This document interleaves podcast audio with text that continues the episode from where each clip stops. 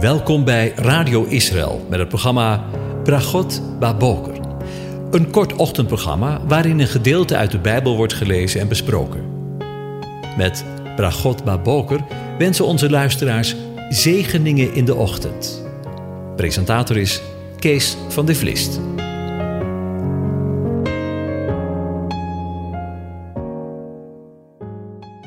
Goedemorgen, luisteraars. Vanmorgen denken we weer verder na over Psalm 92. Ik lees het aan u voor. Een psalm, een lied op de Sabbatdag. Het is goed om de Heere te loven en voor uw naam psalm te zingen. Allerhoogste, in de morgen uw goede tierenheid te verkondigen en uw trouw in de nachten. Op het tiensnarig instrument en op de luid, bij snarenspel op de harp. Want u hebt mij verblijd, heren, met uw daden. Ik zal vrolijk zingen over de werken van uw handen. Heren, hoe groot zijn uw werken, zeer diep zijn uw gedachten. Een onverstandig man weet hier niets van, en een dwaas begrijpt dit niet. Wanneer de goddelozen groeien als gras en alle onrecht bedrijven bloeien om tot een eeuwigheid weggevaagd te worden. Maar u bent de Allerhoogste, voor eeuwig de Heere. Want zie, uw vijanden, Heere, want zie, uw vijanden zullen omkomen.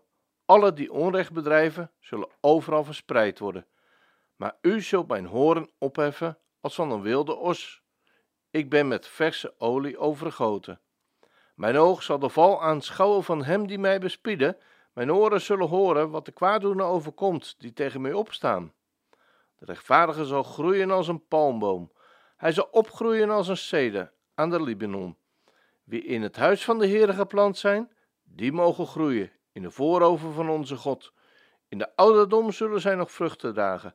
Ze zullen fris en groen zijn. Om te verkondigen dat de Heere waarachtig is. Hij is mijn rots en in hem is geen onrecht. Tot zover. Over de koning gesproken. We denken weer verder na over het vervolg van deze psalm. Want zie, uw vijanden, heren, want zie, uw vijanden zullen omkomen. Alle die onrecht bedrijven, zullen overal verspreid worden.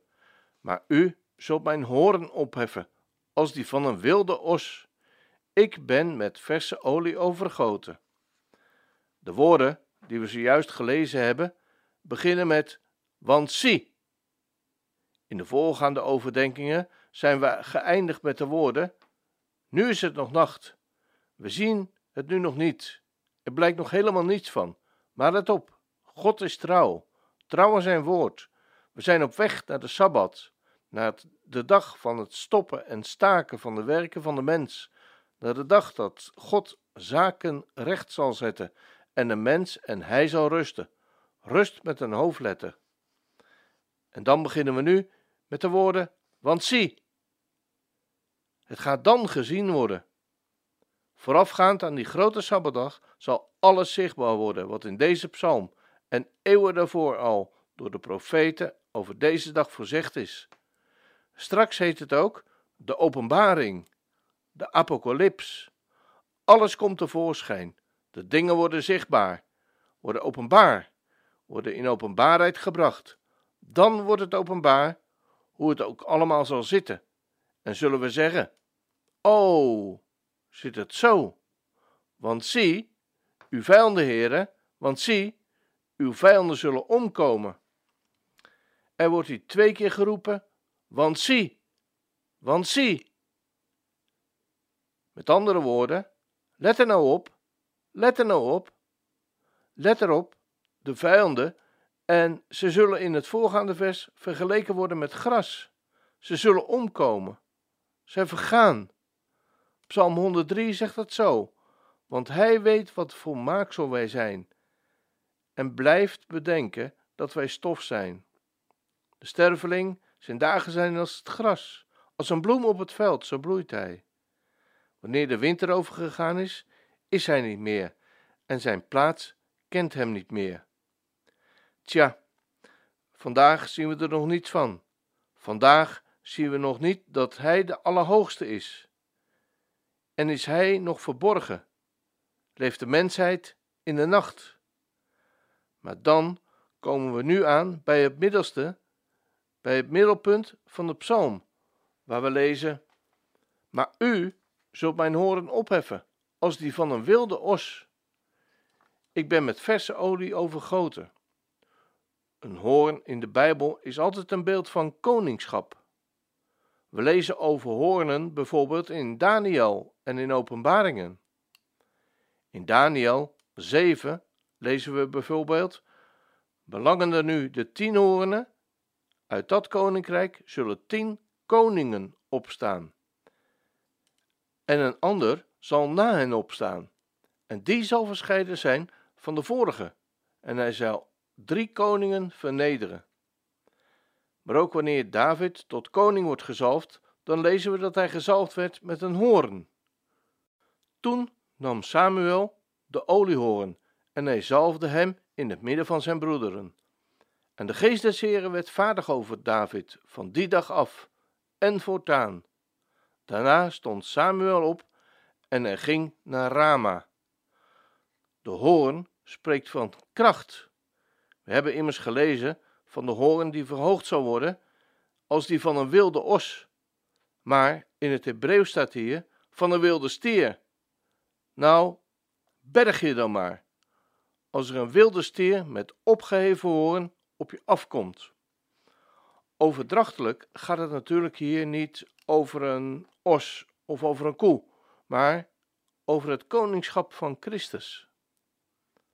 Hij wiens hoorn verhoogd zal worden, over hem wiens koningschap op de Sabbatdag verheven zal worden. Dan zullen zijn vijanden vergaan, lezen we, doordat de hoorn van de Messias wordt verhoogd. Zijn koningschap wordt gevestigd en hij zal al zijn tegenstanders teniet doen. Zijn koningschap wordt gevestigd doordat hij, zoals het vers zegt, met verse olie is overgoten. Hier zie je het beeld met David, zoals we dat net gelezen hebben. Hij werd gezalfd vanuit de horen.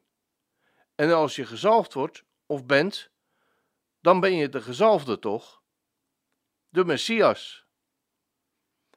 Dan wil ik nog een laatste, als laatste nog even stilstaan bij de hoorn. Daar zit namelijk een prachtig beeld in. Tussen haakjes, er wordt nog steeds op de hoorn geblazen. Op de ramshoorn, namelijk. Maar wat was zo'n ramshoorn? Dat was eigenlijk wat overgebleven is van een geslachte ram. Een ram. Het dier was geslacht. En dan zou je zeggen, dan is die dood. Maar wat er uiteindelijk overblijft, dat is de hoorn. En daarop wordt geblazen. En dat brengt vervolgens geluid voort. Bijvoorbeeld bij het aanbreken van de Sabbat. En wanneer het volk verzameld moest worden bij allerlei feestelijke gelegenheden.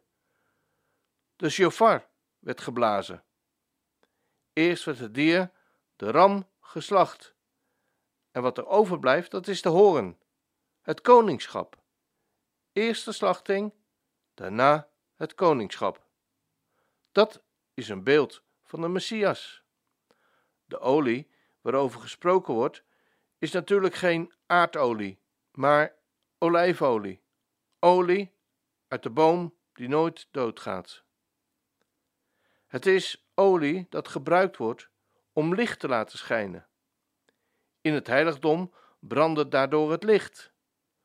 Olie die gebruikt werd voor genezing.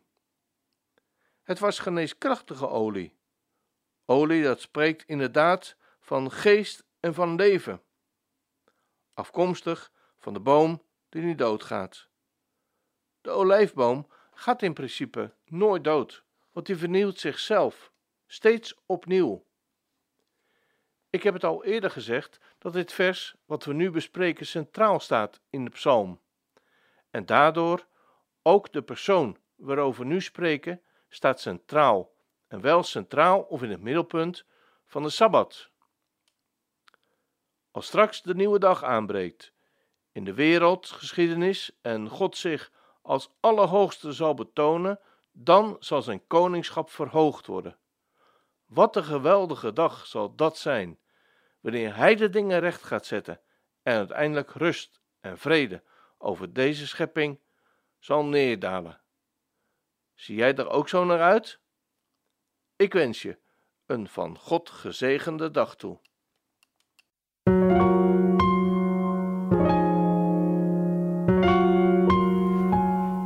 U hebt geluisterd naar het programma Bragot Baboker. Een kort ochtendprogramma waarin een gedeelte uit de Bijbel wordt gelezen en besproken. Wilt u het programma nog eens naluisteren, dan kan dat. Ga naar radioisrael.nl en klik onder het kopje radio op Uitzending gemist.